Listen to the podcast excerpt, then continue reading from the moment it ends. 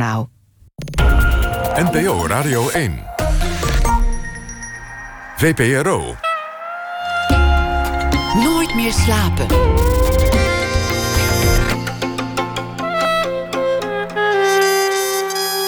Met Lotje IJzermans. Welkom bij Nooit meer slapen. Vandaag met schrijver Ronald Gippert. Hij maakte zijn entree in de literaire wereld met brutale bestsellers als Ik ook van jou en Filijne zegt sorry. En verleidde daarmee een hele nieuwe generatie tot lezen. Dat is alweer, uh, nou, ruim 25 jaar geleden. En in de tussentijd schreef hij gestaag door columns, romans, tv-series en verhalenbundels. Zijn boeken werden verfilmd.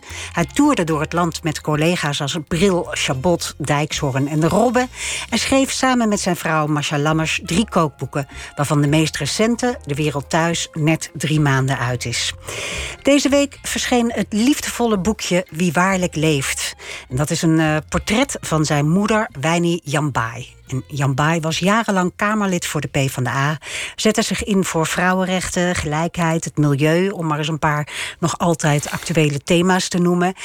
Um, nadat bij haar een uh, agressieve vorm van multiple sclerose werd geconstateerd... trok zij zich uh, noodgedwongen terug uit de politiek. En op haar 56ste stierf ze met behulp van euthanasie. Een moment waar Giphart goede herinneringen aan bewaart. Nu 25 jaar geleden. Klopt. Welkom. Nou, wat leuk om hier weer te zijn. Ja, welkom Ronald. Veel schrijvers uh, wijden een boek aan hun moeder. Ja. Maar vaak is dat ook een beetje een afrekening. Hè? We hebben dat gezien uh, bij uh, Adriaan van Dis bijvoorbeeld. En het gebeurt natuurlijk veel vaker. Maar dat was niet jouw plan, toch? Nee, zeker niet. En misschien dat die moeders het verdienden om een afrekening van hun zoon te krijgen. Ik heb jaren geleden, het was een jaar na de dood van mijn moeder... een verzamelbundel gemaakt met verhalen van schrijvers... van zoons eigenlijk over hun moeder. En toen viel me wel op dat in de Nederlandse literatuur... dat een onderwerp is dat door schrijvers aangegrepen wordt... om zeer pathetisch uit de hoeken komen. Uh, Oedipus erbij te halen. Ja. En uh, het zijn allemaal uh, boeken waar moeders... nou ja, uh, ik, ik herkende mijn moeder niet uit de moeders die de bij verhalen. anderen. Juist. Ja. Je hebt al een keer eerder over haar geschreven en ook over haar lijdensweg eigenlijk. Zeker. In het boek uh, Ik omhels je met duizend armen, maar dat was fictie. Ja. Daarin had zij een andere naam en gebeurden de dingen net anders. Waarom was het zo belangrijk om nu opnieuw een boek over je moeder te schrijven? Nou, um, eigenlijk om meerdere redenen. Ik werd ervoor gevraagd door mm. uh, mijn uitgever, de Bezige Bij. Die geven een soort chique reeks uit met allemaal mooi ik kan het even laten horen. Mooi uitgegeven boekjes. Uh, uh, gebonden kaft. En nou ja, ze vroeg of ik zo'n boekje wilde ja. schrijven. Dat, uh, schrijvers die een beetje buiten hun thema treden. Um, in non-fictie meestal. Um, en um, mijn moeder is nu 25 jaar dood. Uh, dit jaar. Uh, zij heeft nu een aantal kleinkinderen die uh, de leeftijd hebben dat ze, nou ja, over hun oma willen weten. Mijn oudste zoon is politicoloog bijvoorbeeld. Mm -hmm. En ik vond het wel nuttig en leuk om voor hen ehm, mijn herinneringen aan mijn moeder op te schrijven. Het is ook opgedragen aan jouw kinderen en ik ja. neem aan de kinderen van je van zus. Mijn zus ja. ja. Um, laten we over, over haar gaan praten, over Wijnie. Want um, wat voor een meisje was zij? Wat voor een jonge vrouw was zij? Je ja. kent haar natuurlijk niet als jonge vrouw, maar je hebt je erin verdiept nu. Voor Zeker. Mijn, uh, mijn zus had een koffer met allemaal uh, documenten van mijn moeder. Mm -hmm. en, en ook documenten over haar. Uh, zelfs, dat was voor mij heel maf om uh, te zien... dat mijn speech bij haar begrafenis, bij haar crematie... zat in, de, in die koffer. Dat was heel... dat was echt een wijniekoffer. Dat was echt een wijniekoffer. En ik wist natuurlijk wel uit, uit verhaal uit overlevering. Zij kwam uit een, um, een, een, raar gezin eigenlijk. In de zin van dat mijn oma was hoedenverkoopster en hoedenmaakster. Die had een eigen hoedenwinkel. Een van de eerste vrouwelijke ondernemers. En hield ook haar meisjesnaam, wat echt bijzonder was. Ja, ja. Uh, we hebben het nu over de jaren 30 of Over de jaren 30, ja. ja. Uh, eind jaren 20 is dat uh, begonnen. En zij heeft altijd haar meisjesnaam gehouden. Mijn opa was manegehouder van een stadsmanege. Die twee hebben elkaar gevonden. En hadden vier dochters. mijn opa wilde heel graag een zoon. Bij, bij de eerste mislukte het, bij de tweede. En ja. na de vierde is hij opgehouden. Toch maar gestopt. Is maar, ja. En ja, het was een, een vreemd milieu in de zin van... dat er was wel enige hoge welvaart. Omdat mijn moeder ondernemer was en een eigen atelier had. Ehm, en eh, het was De ook een. oma. De oma. De oma, Ja, zeker, sorry, eh, de oma. Eh, het was een liberaal milieu, hoewel mijn oma SDAP stemde. En mijn moeder, eh, ja, ik, wat ik, uit overlevering was ze een, een vrolijk, ongerept meisje. En eigenlijk door haar grootouders werd ze een beetje gekoppeld aan jouw vader. Ja, door mijn grootouders. Ja, klopt. Ja. Ze had liefdesverdriet, eh, begrepen wij. Ehm, en ehm, mijn oma van vaderskant, eh, die had nog een zoon in de aanbieding. En dat was je En vader. dat was mijn vader. En die werden aan elkaar gekoppeld.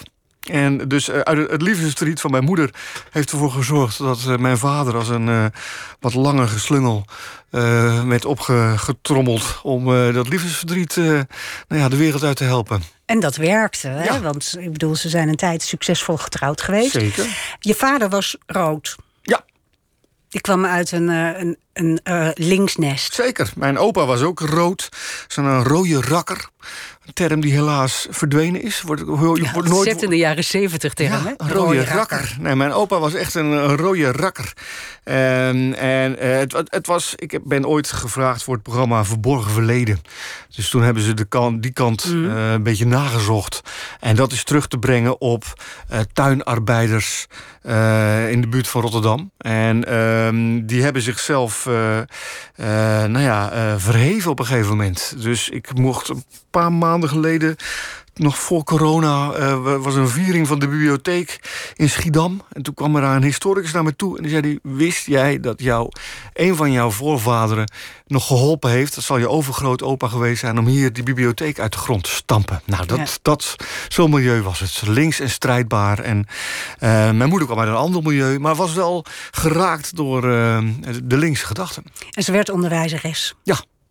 En eh, dat heeft ze jarenlang de vervulling van haar leven gevonden. Dus voor de klas staan. En ehm, ik vond haar eigenlijk altijd wel heel erg streng. Dus, eh, eh, maar ze ging er prat op dat ze een onderwijs, onderwijzeres was die leerlingen. en haar, haar klasse de vrijheid gaf. En be- heel erg betrokken. En eigenlijk, begrijp ik uit je boek, eh, werd ze als onderwijzeres al strijdbaar. Hè? Ze, ze, ze voerde strijd voor een crash. Dat en voor het. een bredere stoep waar de kinderen over konden lopen. Ja, nou, zo is het begonnen. En ehm, ze was al lid van de Partij van de Arbeid vanwege mijn eh, vader. Maar toen is ze gewoon met eh, vrouwen uit de buurt... met van die plakaten om, als, als een sandwichvrouw... eh, is ze gaan lopen over een dijk. Wij moesten van de school lopen over een dijk naar het zwembad... wat net was aangelegd. Hele smalle stoepen. En ehm, mijn opa was hoofdredacteur van een krant. Hij was toen al lang en breed overleden... maar dat, mijn moeder wist wel hoe dat werkte. Dus die heeft eerst de krant gebeld en gezegd... wij gaan met moeders en kinderen gaan we protesteren, zo en zo laat. Nou, dan kwam er een fotograaf van de krant. Ja. En ehm, binnen een paar maanden was die stoep ver- verbreed. En zij kwam er toen achter dat als je echt invloed wil hebben... dat had met name ook met de crash te maken die ze wilden.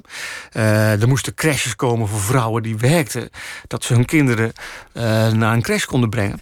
Ehm, dat als je invloed wil uitoefenen... dan moet je op de plek zitten waar beleid gemaakt wordt. En dat is dus gewoon eh, in de volksvertegenwoordiging. En dat is een welbewuste keuze, keuze van haar geweest... om de gemeenteraad in te gaan. Ja, we gaan, we gaan zo even Ja. luisteren naar een eh, fragmentje. Maar eerst wil ik nog eventjes over je moeder. Ja. Eh, en die koffer met paparassen die jij en je zus vonden... waarin alles zat wat met haar te maken had. Ja. En daarin vonden jullie ook een eh, dagboek notities... over het doodgeboren kind wat je moeder gehad Ja. heeft... voordat jij en jouw zus kwamen. Ja, dat was wel echt heel vreemd. Want dat verhaal kende ik gewoon van mijn moeder. Dat was een, een vast verhaal. Ja. En eh, er was een. eh, voordat ik geboren werd, had, was ze zwanger van een andere, ander jongetje. Eh, en ehm, die werd doodgeboren. Dat was een traumatische ervaring voor mijn moeder. Want vrouwen in die tijd, we hebben het over 1965... die kregen een groen scherm over hun buik. Als tijdens de bevalling bleek dat het mis was. Zoals ook in het geval van mijn ouders. Mijn vader die werd eh, de verloskamer uitgestuurd om een sigaretje te gaan roken. Toen kreeg een groen scherm over de buik en dat babytje werd afgevoerd. En zo is mij altijd verteld. En eh, ik heb daar zelf een verhaal over geschreven. En ehm, op een gegeven moment belde ik mijn zus, Karin, die ook schrijfster is... om dat verhaal nog eens te verifiëren. En zij zei, nou, je moet even goed in die koffer zoeken... want er zit een verhaal wat zij geschreven heeft over die periode. En dat was wel een van de meest maffe ervaringen... want zij had inderdaad, een, een, dat verhaal heette Het Verhaal...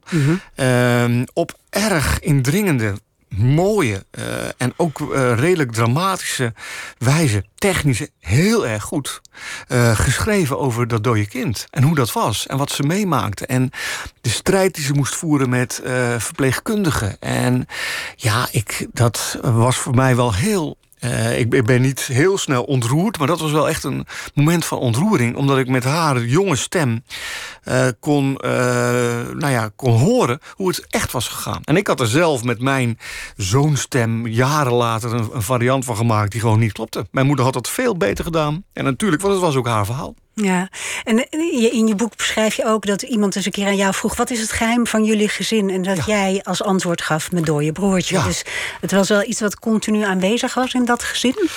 Ja, ik denk dat het op een gegeven moment dat het wel verdween. En uh, zeker, kijk, toen, uh, zoals het ging in die tijd, kind uh, doodgeboren, afgevoerd, nooit in, in heeft het nooit mogen koesteren, nooit in armen gehad. Ook geen begrafenis gehad. Geen begrafenis gehad. Nee. Dat ging gewoon in de vuilniscontainer, ging dat mee. En ehm, de arts zei nou, wij niet. Rob, uh, ga maar snel weer proberen een nieuwe ja. te maken. Zo, uh, want dat is de beste methode om er overheen te komen. Beste medicijn is En dat was jij? En dat was ik. En hoe lang zat er tussen, tussen jouw broertje Mark en Elf jou? maanden. Goh. ja, in januari 65 werd hij geboren en in de december 65 werd ik geboren. En heb je nooit gevoeld dat jij dat, hè, wat een beetje zo het cliché psychologische verhaal, dat ja. jij dat dan goed moest maken? Nou, nee dat, heb, nee, dat heb ik nooit zo geïnterpreteerd. Kijk, wat wel mijn moeder vertelde over mij, eh, dat ik werd geboren. Uh, en wederom maakte het babytje wat eruit was gekomen geen geluid. Ik heb, uh, uh, het duurde lang voordat ik uh, begon te krijsen. En mijn moeder zat dus te luisteren en die wist... oh, nou, het is weer een dode. Nog een keer. Nog een ja. keer, oh, het overkomt me weer. En ze zag, het was een grote Surinaamse gynaecoloog. Edgar heette die, ik ben ook naam verdoemd, dat is mijn tweede naam. Die begon op mij in te slaan en... kom op, vent, kom op, jongen, kom op, jongen. en toen eindelijk begon ik te huilen. En altijd als mijn moeder dit verhaal na... Nou ja, de schoot ze vol. Zo was ik nu eigenlijk ook. Jij ook nu? Ja. Dat is maf, hè? Je zegt net, ik ben niet zo snel nee, ontroerd. maar terwijl ik... nou ja, omdat het, dat raakte haar altijd zo. Um, en dus ik, ik begon te krijsen. En, ze, en, en toen wist ze, oh nou, hij leeft. Dus hij maakt ieder geval lawaai. Ja. ja. En daarna kwam ook nog je zus. Dus ja. ze heeft toch nog een, een volledig gezin uh, gekend in haar leven. Ja. Uh, je ouders zijn op jouw elfde jaar gescheiden. Er was blijkbaar toch niet genoeg en, uh, wat hen bond. Maar het navrante, vind mm -hmm. ik, mm -hmm. als ik zo je boek lees... Ja. Is dat jullie ook gescheiden zijn, jij en je zus. Ja, ja dat, kijk, het was de jaren zeventig. En nu weten mensen dat als een kindje geboren wordt... Uh, dat dood is, dan mag je dat vasthouden. En dan krijgt een begrafenis. Nu weten mensen dat als mensen uit elkaar gaan... als een echtpaar uit elkaar gaat... dat de kinderen de ene week bij de ene blijven... en de andere week bij de andere. Gedeeld ouderschap. Ja. Dat is voor de, voor de kinderen beter. Toen waren ze aan het zoeken van... hoe kunnen we dit uh, op een nou ja, goede manier oplossen. Mijn vader zei, uh, die, die sloeg mijn moeder... met haar feministische principes om de oren. Die zei, als jij feminist bent, ik ben ook feminist... dan vind je dat mannen en vrouwen even goed moeten zijn... in het opvoeden van kinderen. Ergo, ik wil een kind. En uh, ons werd de keuze gesteld, uh, bij wie willen jullie blijven? En mijn zusje zei heel ferm, ik wil bij mijn moeder blijven. En uh, ik wil, vond het prima om bij mijn vader te blijven. Dus ik ben bij mijn vader gebleven. Maar het is echt heel erg vreed eigenlijk. Ja, achteraf gezien is dat natuurlijk voor mijn zus en mij... Uh, was dat, ja, kijk, we zagen elkaar wel ieder weekend. Want uh, de ene weekend ging ik naar mijn moeder... en het andere weekend kwam mijn zus bij ons. Dus wij zagen elkaar wel regelmatig. Maar het is natuurlijk wel niet goed doordacht. Want hoe vaak zag jij je moeder dan? Die zag ik uh, één, één keer in twee weken. Heftig. Dat, ja, dat is voor mijn moeder voor ook verschrikkelijk. van elf. Ja. ja, dat is voor mijn moeder ook verschrikkelijk. Daar moet ik wel eerlijk zeggen dat... mijn moeder was wat strenger dan mijn vader. En met mijn vader deelde ik meer dan ik met mijn moeder deelde. Mijn vader, die, het was in de jaren zeventig, dus uh, uh, Cassius Clay, Mohammed Ali, die, uh, die bokste toen nog. En dan, dat gebeurde altijd midden in de nacht. Dus dan maakte mijn vader, die had dan blijkbaar geen zin om in zijn eentje te gaan kijken. Die maakte mij om drie uur s'nachts wakker. En dan gingen we naar Cassius Clay kijken. Of naar Ajax voetbalde toen goed. Ehm, ja, dan zaten we s'nachts naar wedstrijden van Ajax te kijken voor de, om de wereldbeker. Ja, dus het had, het had zijn leuke kanten bij je vader. Ja. Tuurlijk. Ja, het was je vader. Ja. ja. Uh. Laten we even gaan luisteren naar een, uh, een, fragment van je moeder. Het is uh, uit 1991. Toen was ze al ziek. Ja. En toen was ze al teruggetreden uit de politiek. Ze zat al in een rolstoel. En VPRO-collega Lida Iburg is haar thuis gaan interviewen voor een marathoninterview. En het eerste wat gebeurde is dat Lida Iburg door je moeder werd uitgenodigd om maar eens lekker in die rolstoel te gaan zitten en te kijken hoe die het deed. En. Um, er zaten heel veel leuke fragmenten, maar ik heb een stukje gekozen waarin ze zo ontwapenend klinkt. Ja. En waarin ze vertelt waarom ze eigenlijk toevalligerwijs de politiek inging. Ah, oké. Ik was al lid van de Partij van de Arbeid, maar dat was niet door mezelf gekomen. Maar mijn echtgenoot was lid. En ja, ik heb mijn eerste kind doodgekregen. En dat is natuurlijk een verschrikkelijke ervaring. Ik stond toen niet meer voor de klas. Want je moest vroeger als je zes maanden, vijf maanden zwanger was... moest je eruit, van die kinderen die mochten niet zien dat jouw buik dikker werd. En dan kreeg je notenbenen je volledige salaris uitbetaald... tot zes weken na de bevalling. Ja, gelukkig maar. Maar dat was toch waanzin? Al die tijd had je gewoon voor de klas kunnen staan, maar dat mocht niet. Kreeg ik dat kind dood en daarna moest ik natuurlijk, ja... ik moest weer overrenten. En uh, mijn echtgenoot, die was dus lid van die Partij van de Arbeid. En ik werd meegenomen door ja, partijgenoten naar die vergadering. En de eerste, de beste keer deed ik mijn mond open. En de tweede keer zat ik in het bestuur van de Rode Vrouw. en zo is het gekomen. En toen ik dus in die ludieke actiegroep zat... die ijverde voor een putterspeelzaal... in de gaten kreeg dat je daar moet zijn waar het geld verdeeld wordt... En uh, ja, toch dat gehalte van die gemeenteraadsleden niet zo vond... dat ze daar een open oog en oor voor hadden. Nou, toen heb ik mijn kandidaat laten stellen. Of ik ben gelukkig automatisch kandidaat gesteld. Want ik was de vrouw van... en de vrouw van deze ambtenaar in Dordrecht was onderwijzeres. Dus dat deugde. En je werd automatisch gemeenteraadslid. Ik vind het heel lief omdat ze zo bescheiden is, maar ook heel autonoom eigenlijk. Ja. En uh, ook heel no-nonsense. Ja, en, en wat, dat, ik heb nu natuurlijk uh, ben naar de archieven gegaan en ik heb het archief van de Dortenaar doorgebladerd. Uh, veel kopieën gemaakt. En, gewoon een stapel A4'tjes met uh, allemaal prints van interviews. En haar onderwerpen, dat is wel zo maf. Ze maakte zich eigenlijk om drie dingen heel erg zorgen. Het, de, de leefomgeving, het, het, de natuur, het milieu. Uh, en dat was in een tijd dat milieuactivisme eigenlijk nog niet bestond. En zij uh, keten zich vast aan bomen. En ze vond dat er uh, meer voor, aan het groen moest worden besteed. Nou, de gelijkheid van, van vrouwen. Dat was ook iets wat haar heel erg paas in eigen buik. ze noemden net al de rode vrouwen ook. Um, en uh, onze omgang met, uh, met reisgenoten uh, en met gastarbeiders en immigranten... dat heeft ze altijd zich sterk voor gemaakt. Ja. En dat zijn nu gewoon 35 jaar later nog steeds onderwerpen... die iedere dag... dat is wel heel erg. Ja, toch? dat is toch verschrikkelijk? Ja, ja, ja, dat vind ik echt heel erg. Ze had ook een, een, een voorstelling met een etalagepop. Ja. Dat was dan Marie Modaal. Ehm, ze heeft zich sterk gemaakt voor die onderwerpen die jij net noemde. Maar wat ik ook echt een prachtig verhaal vond. Jij moet het vertellen, niet ik. Ja, maar... Was dat, er, dat ze de eerste vrouw was die het woord kut in de Kamer zei. Ja, ja, ja, ja. Dat was achteraf gezien. Uh, vond ze dat niet leuk dat ze dat gedaan had. Uh, maar goed, ze, ze, heeft het gedaan. Er was een staatssecretaris, Bert Haars heette zij. Uh, ze had de voornaam als Bert.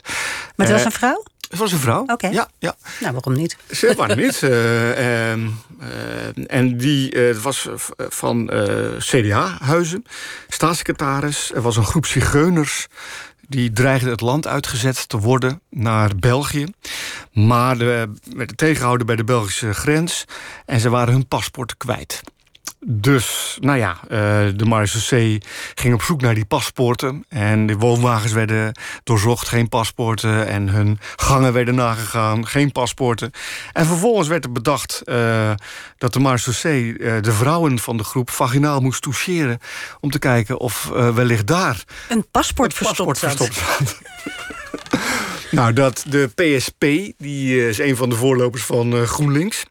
Die uh, wilde daar uh, een motie tegen indienen. En uh, Partij van de Arbeid, daar werd intern bij een commissievergadering over gesteggeld of de Partij van de Arbeid dat moest gaan steunen of niet. En ja, daar werd door mannen en vrouwen gediscussieerd over de mogelijkheid van een, een paspoort in je fibromusculaire buis met gelaagd epitheel. en mijn moeder heeft toen geïnterpreteerd en gezegd: Denk nou één van jullie dat het mogelijk is om een paspoort in je kut te steken. Ja. Nou, dat was uh, onparlementaire taal. En toen zei Jos van Kemenade, die was uh, plaatsvervangend voorzitter... die zei, Wijnie, dat moet je niet doen. Deze taal, dat schaadt de feministische zaak. Terwijl zij juist door dat woord te gebruiken... Uh, de zaak op scherp stelde. Ja. Want iedereen met een beetje gezond verstand... Snapt dat dat niet zo werkt. Nou, nee, dat, of je moet in, in Amsterdam in bepaalde theaters werken, maar nee. nee ik, vind het, ik vind het eigenlijk heel aandoenlijk dat ze dat zo, zo grof zei. Omdat het inderdaad het, het, ze neemt het zo op daarmee voor, voor de mensen. En ander ding, wat me ook. Ik draag zelf graag en veel zwart. Ja. Maar je moeder ook, hè? Dat deze ook. En daar had ze een, een goed trucje voor bedacht om dat een beetje te verbloemen. Dat ze al in het zwart ging. Zolang de VVD en het CDA de regering uitmaakten, ging zij in het zwart gekleed. Dat ja. was haar, uh, haar statement. Dus toen... Weet je, zoals Johnny Cash, hè? Die, ja. die draagt altijd Kijk, zwart uh, om, uit solidariteit met de armen. So that, uh, I, feel black on the, I, I, wear black on the outside because I feel black on the inside. Dat was zoals R.E.M. vroeger... nee, niet R.E.M., de Smith vroeger zong. Ja, nou, hier zit al helemaal in de muziek. Maar dat uh, laten we even met rust, want we hebben het over je moeder. Ja. En uh, dat jongetje wat uh, op zijn elfde meeging uh, met zijn vader en zijn moeder eens in de twee weken zag, werd wel haar mantelzorger. Want toen kreeg zij een multiple sclerose. Ze ja. had een agressieve vorm daarvan. En uh, natuurlijk wilde ze niet naar het verpleeghuis. Nee, nee, nee. Dat, uh, dat was haar grote schrikbeeld. En zij wilde ten alle tijde de baas blijven. En um, ja, toen zich aandiende dat die, die ziekte nou ja, progressiever was uh, dan ze gedacht had. Dus, dus nou ja, ag agressiever ook was. Um, ja, kwam al snel het moment dat ze moest gaan nadenken van hoe ga ik dit doen? En zij zei, ik ga niet naar een verpleeghuis. Ik wil de eer aan mezelf houden. Nou was euthanasie toen nog... Um, het, het, was, het werd niet toegestaan, maar het werd wel toegestaan. Dat was een beetje dat schimmige tussengebied. Um, en ze verlegde eigenlijk steeds de grens. Want aanvankelijk zei ze van, uh, ik ga zelf een moment bepalen. Dus als ik uh, in een rolstoel moet, dan is het voorbij. En dat werd steeds, werd dat moment verlegd. Het gevolg was dat, omdat ze thuis wilde blijven wonen... Dat er natuurlijk een hele organisatie op poten gezet moest worden om haar te helpen. Uh, wijkverpleegkundigen, vriendinnen. mijn zus en ik hebben ook veelvuldig haar bijgestaan. En het was op een gegeven moment zelfs zo dat... Karen had inmiddels twee jonge kinderen... Uh, dat ik, nou ja, zo'n beetje iedere week of om de twee weken uh, het weekend bij mijn moeder zat. Ja, ja en die weekenden werden steeds langer. Ja. Betekende dat ook, het lijkt me zo raar, omdat uh, ik heb ook gezorgd voor mijn oude moeder, ja. zoals wij dat allemaal doen. Maar als je echt als jong iemand, jij was een twintiger, ja. Uh, het, is, het is ook heel intiem. Ja, zeker. En zij zat daar meer mee dan ik. Uh, op een gegeven moment kon ze zich echt niet meer goed bewegen. Ja, dan moesten de billen afgeveegd worden. En uh, ja, dat kon ze op een gegeven moment echt zelf niet meer. Dus ik moest dan de, gat van mijn moeder afvegen. En dat vond zij verschrikkelijk. Ja, en, me voorstellen. Ja, ik, ja, zij heeft mijn billen ook afgeveegd toen ik uh, uh, nog, dat nog niet kon. En ik vond het in de natuurlijke loop der dingen liggen dat, dat ik dit ja. deed. En, en dat Karin dit, dit ook voor haar deed. Ehm, zij ehm, was verbaal heel erg sterk. Dus zij kon al, ze regelde alles met haar mond. Eh, en en ze, ze bleef ook bij de pinken, dus dat was allemaal geen probleem. Ehm, maar ik heb toen er niet zo bij stilgestaan wat dat voor mij betekende. Pas toen ze eenmaal overleden was.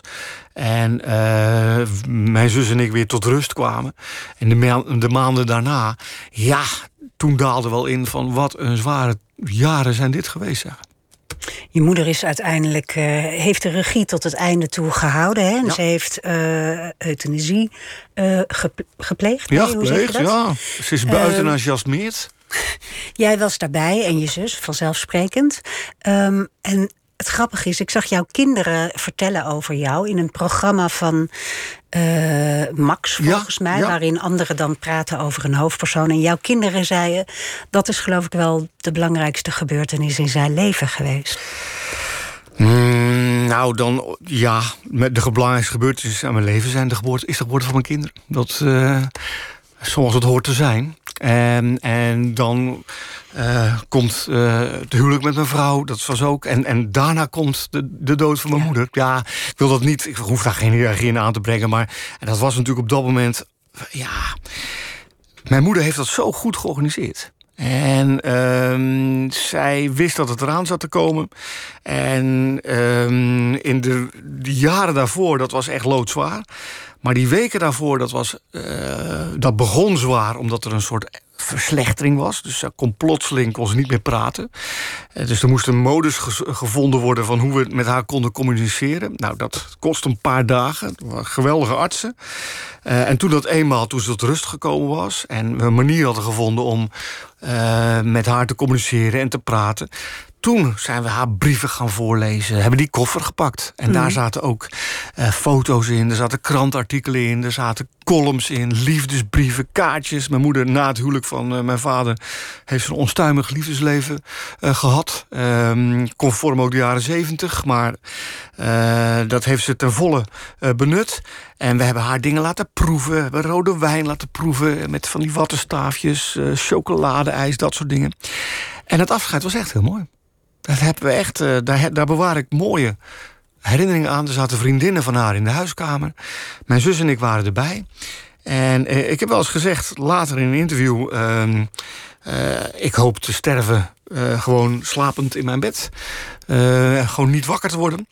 maar als mij dat niet gegeven is... dan zou ik willen sterven zoals mijn moeder het gedaan heeft. Want ja, dat was een liefdevolle exercitie. Uh, in, in, het boekje beschrijf je het ook als een soort. Uh, dat, er, dat het omgeven was met een soort lichtheid. Ja, ja. Ja, dat klinkt vreemd als je mensen na afloop vertelt. Het sterven van mijn moeder was een lichte gebeurtenis. Maar het, eh, wat er licht aan was, was dat het. Mijn moeder had de beslissing genomen, dus dat was goed. Zij was opgelucht. Ze was klaar om te sterven. Zij om, om, uh, omhelsde de dood met duizend armen. Dat, daar heb ik de titel van mijn, van mijn boek ook uh, destijds vandaan gehaald. Hè. Ze, ze was er klaar voor.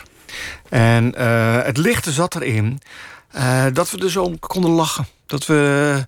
Uh, dat mijn zus daar nog. Mijn zus was uh, stand-up comedian toen. Dat hij nog grappen heeft gemaakt. En ja, dat. Ehm, het was een beetje een soort cabaretvoorstelling voor één persoon.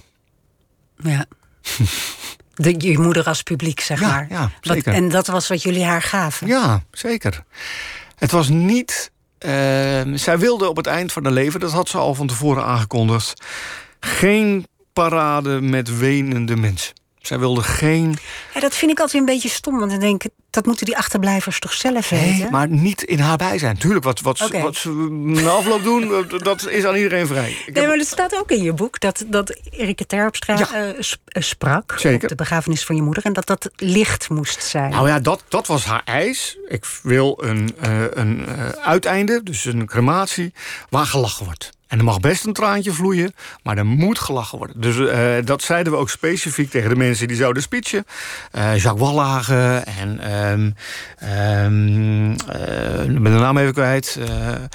Surinaamse actrice. Ehm, nou, en er was poppenspel. En we zeiden, er moet gelachen worden. En natuurlijk, we, we, hadden niet, we zouden niet boos geworden zijn... als iemand toch overmand was door emoties. En het was ook soms best emotioneel.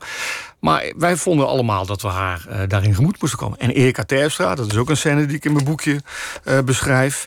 Die had een geweldige speech. Dat was echt, uh, echt lachen, gieren, brullen. Kijk, zij was natuurlijk van VVD-huizen. Ja. Ze hebben veel samen opgetrokken, ook in politiek gezin. ze hebben zich hard gemaakt tegen vrouwenhandel. Ze zijn samen naar bordelen gegaan, Erika en mijn moeder... om daar met, met, met, met prostituees te praten. En ehm, nou ja, het was een links milieu. linkse milieus, daar wordt, vergaderingen worden besloten... met het zingen van de internationale en begrafenissen. daar zingen met de internationale. Dat vertelden wij van tevoren aan Erika. En zonder dat wij het wisten had Erika... Um, de Wiardi Beckman Stichting van de Partij van de Arbeid... de tekst van de internationale laten faxen... naar de Tweede Kamerfractie van de VVD. Want die hadden ze daar blijkbaar niet.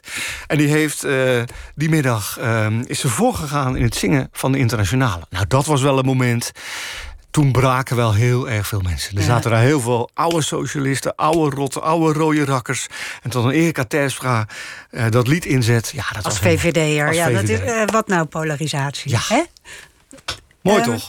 Een ander... Uh, um, ja, we kunnen nog een heel klein stukje muziek draaien. Ja. Dan wil ik een heel klein stukje doen, als je het goed vindt. Heel goed. Jij hebt dat uitgekozen, misschien ja. moet je even vertellen waarom. Nou, Um, mijn moeder ergerde zich eraan dat er zo ontzettend veel uh, verschillende wijkverpleegkundigen kwamen op het eind.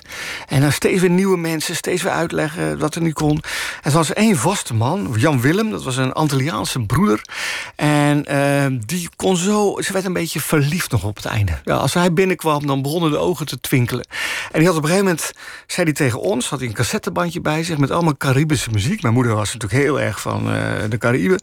En hij tilde daar in de tillift. Dat is een enorm gevaarte mm. waar je echt moeite voor moet doen om uh, iemand in te tillen. En de meeste wijkverpleegkundigen gingen dan direct naar de badkamer om haar te wassen. Hij ging die kamer in met die tillift. Die muziek stond op. En hij ging dansen met haar terwijl zij in die tillift lag op de muziek van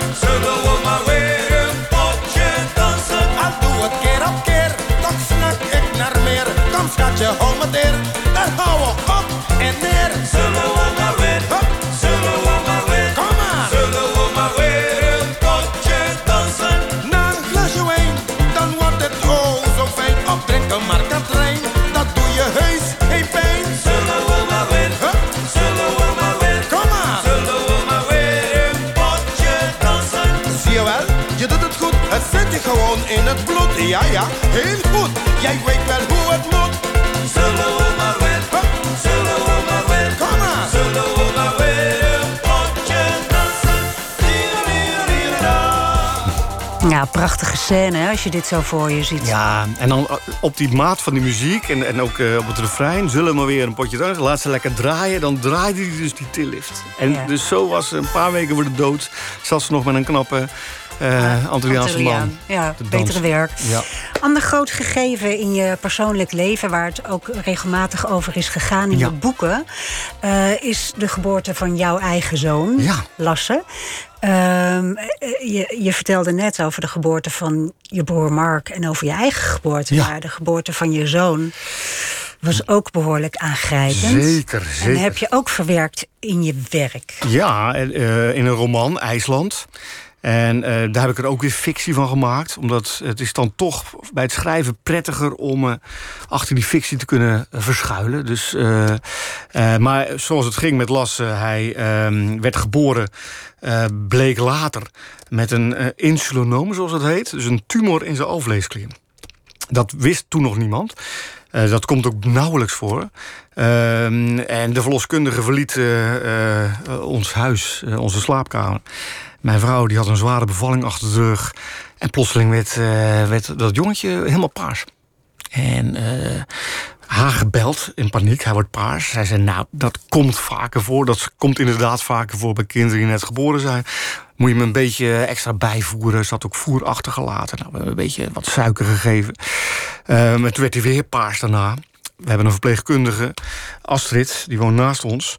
Uh, daar ben ik naartoe gerend. Ik Astrid, ik vertrouw niet. Uh, kom even kijken. En zij zei, kan je auto rijden? Kan je auto rijden? We gaan niet op een ambulance wachten. En we zijn in de auto gestapt en naar het ziekenhuis gereden. En ik heb lang in een ziekenhuis gewerkt... waar ik ook een reanimatiecursus gehad had. En dan zag ik dat Astrid mijn kind aan het reanimeren was. Nou, dat was wel... Als we het over zware momenten in het leven hebben... is denk ik wel dat het zwaarste moment uh, geweest. Um, uiteindelijk in het ziekenhuis terechtgekomen. Vervolgens uh, werd hij daar neergelegd in, een, in een kamer... Uh, met, met allemaal toeters en bellen. En op een van die bellen, zo'n zo'n zo'n zo meter, stond 99 procent. Nou, dat vond ik echt een uh, heel goed teken. Oh, dat was juist goed. Ja, 99 procent. Oh, helemaal in ja, de ik zat 99 procent. Dat, lijkt me heel... Alleen ik zit ernaar te kijken. Dat 99 procent, dat wordt 80 procent, 70 procent in snel tempo. En ik zie hem ook weer paars worden. En, en dan gaan we... Saturatie. Saturatie. Dus, uh, en uh, er gingen allemaal bellen weer af. Er kwam een verpleegkundige naar binnen rennen. En die pakte een telefoon en die, en die zei, reanimatie op de eerste hulp. nou, dus ik stond daarbij. Ja, dat was wel... En toen werd ik net als mijn vader bij de geboorte van uh, zijn oudste zoon... die dus doodgeboren werd, werd ik de kamer uit. Dus ik, ik kom maar even mee. Dus ik werd de kamer uitgeholpen. Nou, dat was... Dat, toen kwam dat verhaal van mijn moeder terug. Ik dacht, ja, zo is het dus. En het gek is ook echt in een flits... Oké, ik moet nu mijn vrouw gaan bellen. Jongetjes overleden, het was ons derde kind. Uh, maar goed, uh, uiteindelijk werd ik weer de kamer binnen geholpen. En toen uh, lag hij daar met allemaal buizen en slangen. En was het probleem verholpen tijdelijk. Alleen moesten ze nog even achter zien te komen dat hij een tumor had. Ja. En hij is nu volledig gezond. mist een groot deel van zijn alvleesklier, maar dat daar valt mee te leven. Hij gaat waarschijnlijk uh, suikerziekte krijgen, maar dat uh, uh, is voor later zorg. Hij is nu 13, dus... Ja, al dit soort dingen die, die jij meemaakt, die grote dingen... daar Ja. ga je over schrijven in fictie. Ja. Is dat, is dat, eh, ja, dat is zo ontzettend cliché, maar is dat verwerken, schrijven? Ja, natuurlijk. Ja, nee, dat, eh, wa- ja, dat is een wapen tegen de wereld. En het is ook omdat het, wat ik als schrijver probeer, is eh, nou ja, mensen te raken, mensen te laten nadenken, mensen eh, kwaad te maken, op te winden. Dus dat er iets mee gebeurt. En ehm, dat verhaal over, over Lassen, ja, dat was. Dat kon ik uiteindelijk in fictie verwerken, omdat het mij heel erg geraakt had. Maar ook eh, omdat ik. Hij heeft tien weken op zo'n kinderintensive care gezeten. En wat je daar ziet. Ehm, terwijl wij dit gesprek nu zitten te voeren, zijn er kinderintensive cares. waar de kinderen nu voor hun leven aan het vechten zijn.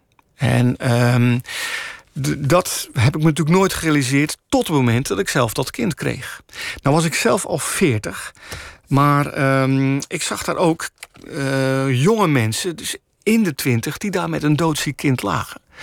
En eh, dat was een manier van omgang, dat had ik nog nooit eh, gezien. Dus dat je, je, praat niet zo heel veel, maar je begrijpt elkaar zo ontzettend goed op zo'n kinderintensive care, eh, wat er aan de hand is. En af en toe overlijdt er ook een kind. Nou, dat zijn natuurlijk ontzettend indrukwekkende gebeurtenissen. Ehm, en daarover vertellend eh, aan vrienden, aan familieleden, merkte ik wat een enorme impact dat had. Nou, dat, ehm, op een gegeven moment krijg ik echt de behoefte om erover te schrijven ook. Dus om te kijken of ik dit kan overbrengen. Zonder dat het lammerjant was of dat het ehm, nou ja, goedkoop effectbejag. Maar ik wil eh, in mijn boek ehm, zoeken naar waarom mij, mij dit nou zo ongelooflijk geraakt heeft. En, en waarom dit eh, ja, zo'n enorme opluchting was eh, toen hij eh, gezond het ziekenhuis weer verliet. Nou ja, op zich zijn die vragen makkelijk te beantwoorden, maar het is natuurlijk, je bent niet de enige. Hè? Nee. Dit, dit is wat mensen meemaken Juist. en waar het om draait in het leven. Wat jij doet in je boeken is altijd daar iets heel luchtigs en krankzinnigs tegenover zetten. Ja, dat is. Je, je kan zware verhalen zwaar vertellen. Eh, maar ik vind dat de zware verhalen lichter aan, of beter aankomen als je er iets lichts omheen doet. In een Kom met duizend armen is dat een vakantie van vrienden.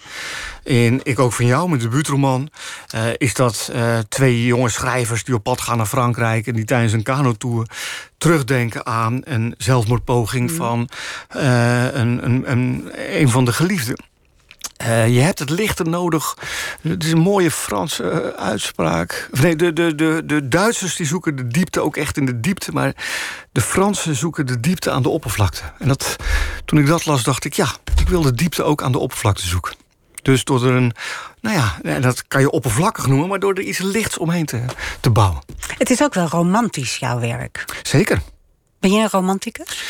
Uh, nou, ik. Uh, uh, misschien dat ik niet zo romantisch ben in de traditionele zin dat ik vaak bloemen voor mijn nee, vrouw maar meeneem. Dat bedoel ik ook helemaal nee, maar ik, ik, ik geloof wel dat we hebben één leven.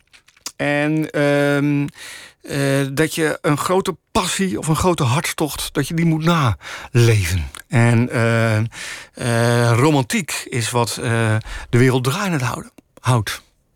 Maar zijn allemaal, je, als het goed is... Dan bedoel je dus niet de romantiek van, van liefde uh, naar je vrouw... of, of bloemen, uh, bloemen meenemen... maar dan bedoel je een romantische blik op de werkelijkheid. Ja, een... Uh, als het goed is, iedereen die nu luistert, is ontstaan ooit uit een passievol uh, moment. Alles wat, uh, alle restaurants die geopend worden, alles, alle zaken die geopend worden, alle plannen die bedacht worden. Dat is omdat er iemand met een goed verhaal komt en een gepassioneerd erachter gestaan. Jongens, we moeten dit doen. En um, ik uh, ben romanticus genoeg om daarin mee te gaan als andere mensen mij zo'n verhaal ook schetsen.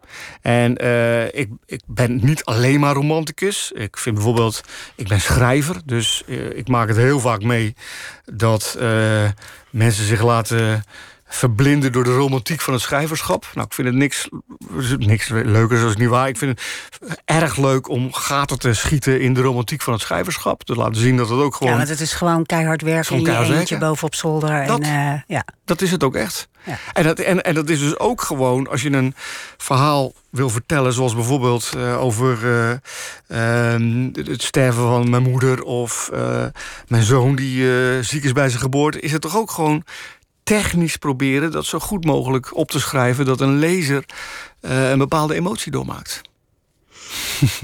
Ja, om, om eigenlijk de emoties van de, van de gebruiker hè, mm -hmm, zeker, te, te, manipuleren. Ja. Zoals filmmakers dat ook doen. Zeker. En, ja. ik, ik moet, heb diepe bewondering voor filmmakers die uh, mij aan het huilen krijgen uh, om, om iets uh, ja, wat ik kan voorspellen, wat ik kan zien.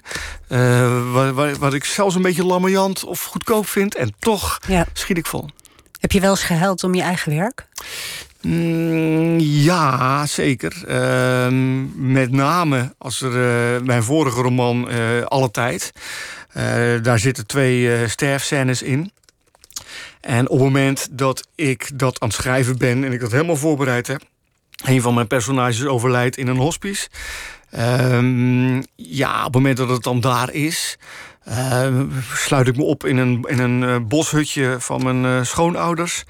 en ga ik dat moment opzoeken. Dus ga ik kijken of ik zelf uh, die emotie kan, kan losmaken. Was het fictie of was het gebaseerd op een... Nou, dat was gebaseerd op, op, echt, op, mm -hmm. op een echt bestaand iemand. Maar dat, daar heb ik ook weer fictie van gemaakt.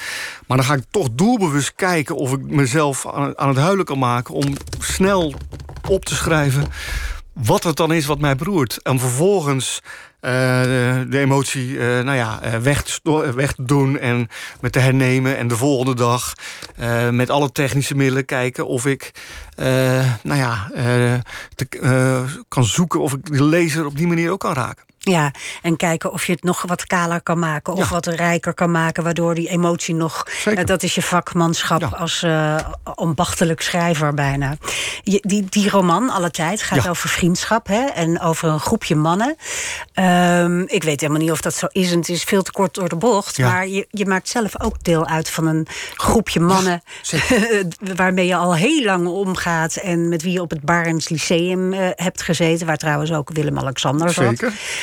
Um, Hij is niet een van de groep overigens hoor. Nee, laat dat even duidelijk zijn. Nee, dat zijn eh, onder andere Jean-Marc van Tol van Fokker en Sukke. Ja. En onder andere eh, Bert Natter, eh, die ook schrijver is. Zeker. Ehm, maar ook dat boek vond ik eigenlijk ook heel romantisch over vriendschap. Ja.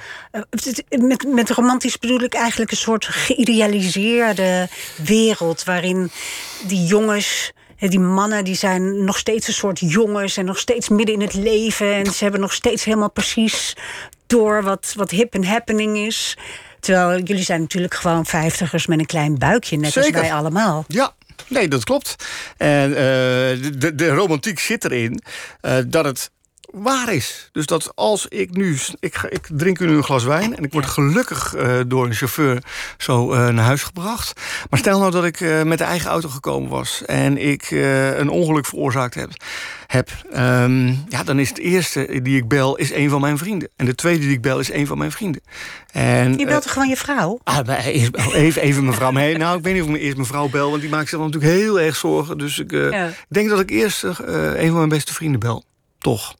Omdat ik weet dat die zonder enige veroordeling eh, direct ehm, voor mij eh, gaat. eh, in, in touw gaat springen. En misschien dat mijn vrouw haar eerste reactie... of boosheid, of heel erg geschrokken, of huilen. En ik, denk- ik denk dat ik het moment voor haar Ja. iets, iets ga uitstellen. Maar toch, die, die, die vriendschap en die. Ja, ook dit is best wel weer een soort romantisch idee van. Ja, stel dat ik een ongeluk krijg, dan bel ik mijn vrienden. Ehm, heeft het ook iets te maken met eh, voor eeuwig jong zijn of zo? Of, Nee, nee, ik eh, ben helemaal niet, eh, ben helemaal geen jeugdige, hoe dat, jeugdigheidsfetischist of iets dergelijks. en ik, mijn oudste zoon is 22 en ik, eh, ehm, ja, kijk met bewondering en soms ook wel met verbijstering naar wat jonge mensen tegenwoordig beweegt en bezighoudt. Mijn kinderen zijn ontzettend woke. Dus Ja? ja, ja zeker. En ik eh, leer ook enorm veel wat allemaal. Wat, vooral leg wat ik woord niet. nog even uit, woke, Woke, Want misschien niet iedereen weet gelijk. Nee, nou woke, dat is dat je, dat je wakker bent, zeg maar. En dat je begrijpt wat, er, eh, wat de issues in de samenleving zijn. En dat je dus eh, niet homoseks, eh, homofobe grappen maakt. Of dat je geen... ehm, Politiek correct eigenlijk. Politiek correct. Politiek correct. En ehm, nou, daar leer ik van. En ik, ik probeer me er ook naar te richten. Mijn oudste zoon is politicoloog. Daar zou mijn moeder erg trots op geweest Ja. zijn. Ehm, en ik probeer me ook echt wel in te leven eh, in hun wokeheid. En eh, ik, ik, laatst had ik een groep vrienden van, van de club had ik, eh, in mijn achtertuin was pre-corona nog. Ehm, en we, we dronken daar wat. Eh, het ging over een, eh, een vrouw. En een van mijn vrienden zei... En dat wijf... Dat, dus eh, dan zijn er twee jongens zeggen... mm, mm, mm, mm. nee, nee, nee, ik zal de naam niet noemen. Eh, nee, we gaan nu vrouw zeggen. We zeggen nu vrouw. En is dat nieuw? Nou, dat is wel een verandering, ja, zeker. En wij, ik, ik, ik, Want vroeger was het gewoon lekkere wijven en nu is het gewoon een vrouw. ja, zeker. Ja. En dat komt door wat jouw kinderen jou leren. En door de samenleving en dat we ouder worden. En ik ook gewoon echt, ik heb het altijd een vervelend woord. Ik heb nooit, ik, nou, nou klink ik een beetje als... eh, maar dat heeft denk ik ook wel met de opvoeding van mijn moeder te maken. Ik geloof niet dat ik heel vaak vrouwen eh, wijven genoemd heb. En dan moet ik, ik zit wel een beetje in een soort eh, progressieve linkse bubbel. Eh, daar hoor je tegenwoordig ook bijna voor te schamen als je Ja, daar... eh, zeker. hè, dat, ma- dat mag Zeker niet als je ook nog aan cultuur doet. Zeker als jongen, zeker. ja, zeker. Ehm, maar ja, ik, ik, ik- Zwarte Piet, ook zo'n mooi voorbeeld. Ik weet nog jaren geleden, half, eh, half in de jaren negentig... had ik een kroegkennis in, in Utrecht. Pikzwarte jongen. Eh, het ging over Zwarte Piet. En ehm, nou ja, hij zei, Ronald, ik vind dat echt heel erg vervelend. En eh, ik kan, een, als kinderen mij op straat Zwarte Piet noemen... heb ik geen enkele moeite mee. Maar dat ik op straat loop en dat ouders tegen hun kinderen zeggen... jongens, daar loopt Zwarte Piet, kan echt niet. En dat was voor mij het moment dat het kwartje viel... ja, dit is ook echt te idioot voor woorden. Terwijl ik ook in mijn studententijd wel een keer Zwarte Piet geweest ben... en er nooit bij stilgestaan heb. Je moet, en dat is woke, iemand moet je wakker schudden. En eh, nou ja, dat... eh, eh, ik, ik, Zwarte Piet kan niet anders. We gaan niet aan Zwarte Piet. Jammer. Nee, we gaan nog even door over, over persoonlijke dingen. Want ik wil heel graag weten, je bent nu bijna zo oud als je moeder. Ja. Hoe is dat? Ja, Want eh, het is meestal voor mensen wel moeilijk om de leeftijd te bereiken die, eh, waarop hun ouders gestorven zijn. Ja. Nou, ik weet, dat moment is er nog niet, dus dat, dat kan ik nog niet zo goed eh, voorspellen. Maar ik denk, mij, mijzelf kennende, dat ik daar weinig problemen mee zal hebben. Wat ik wel een vervelend moment vind, iedere ochtend toch, als ik mijn badkamer inloop en dan in de spiegel kijk. Wie is die Wie, wie is dat? zeg? Ja. Wanneer is dit nou in gebeurd? Maar ben je bang? Om? Weet ik veel, dood te gaan. Nee, helemaal niet. Nee. Eh, nee, dat is nou iets. Dat is een angst die ik echt nooit. Ja, ja, kijk, ik ben bang om dood te gaan.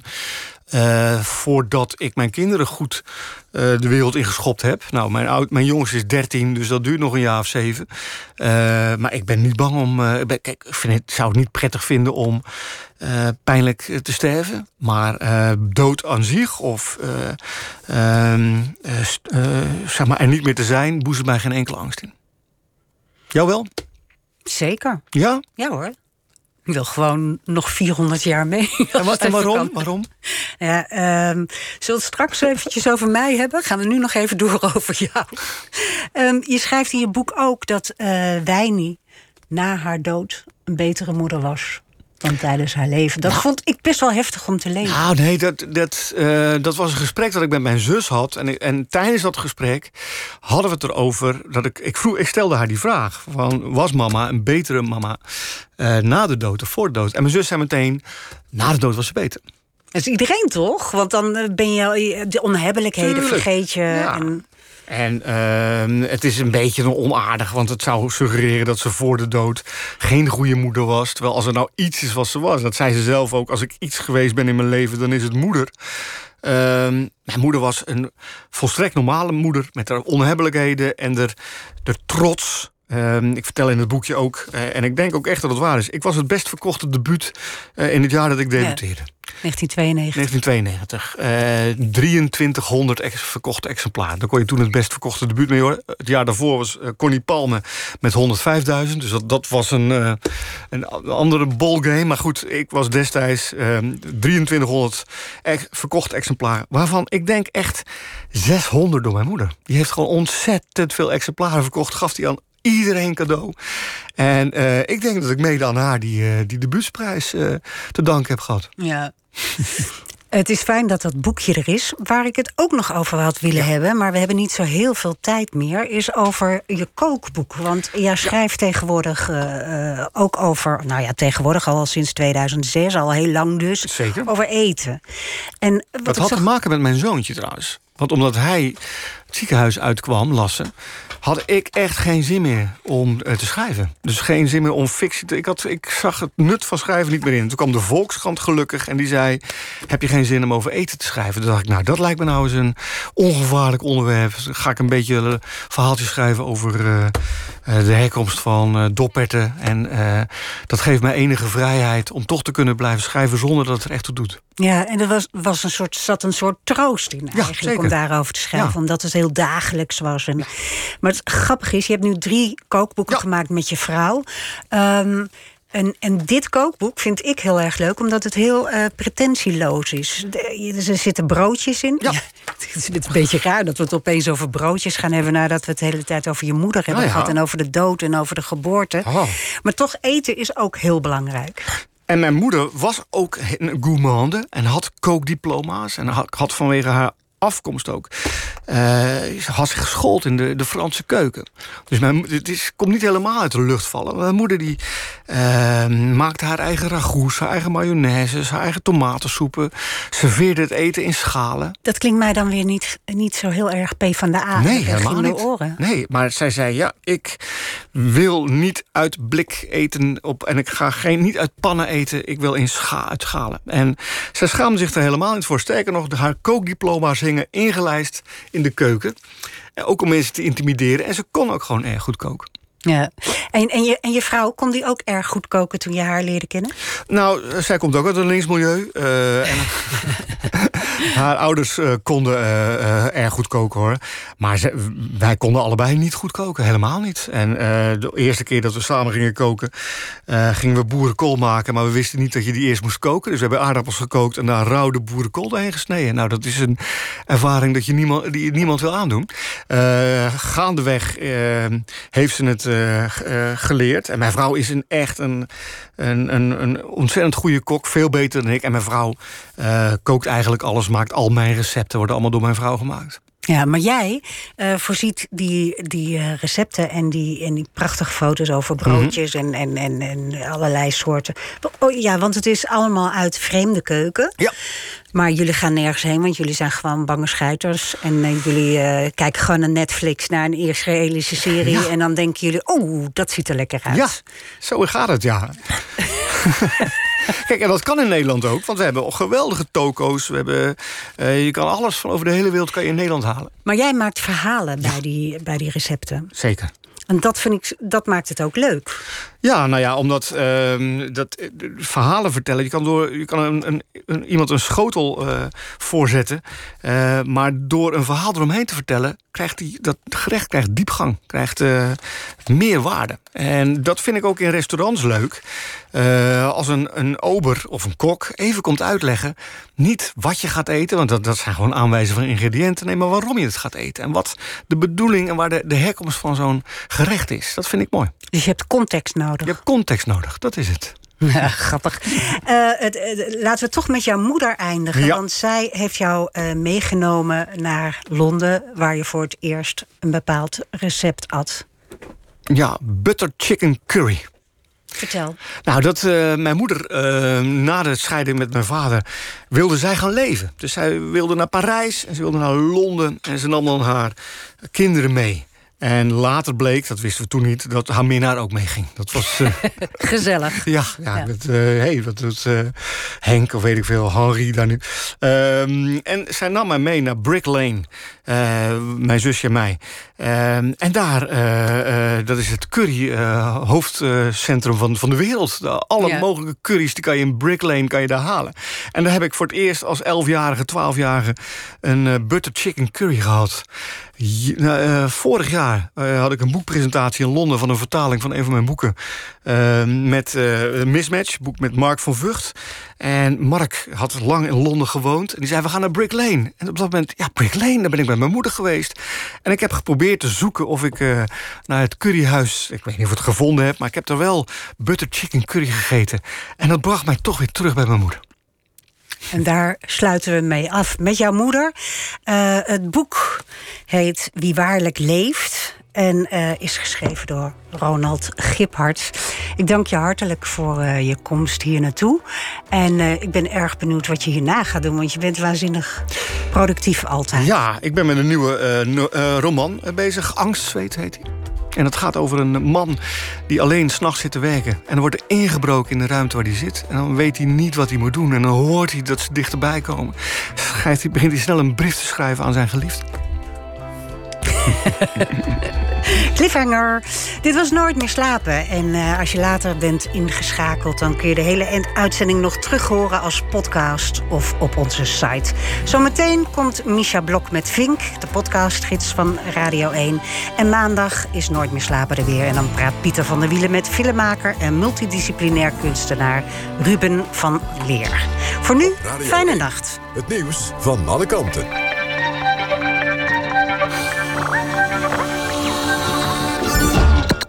NPO Radio 1.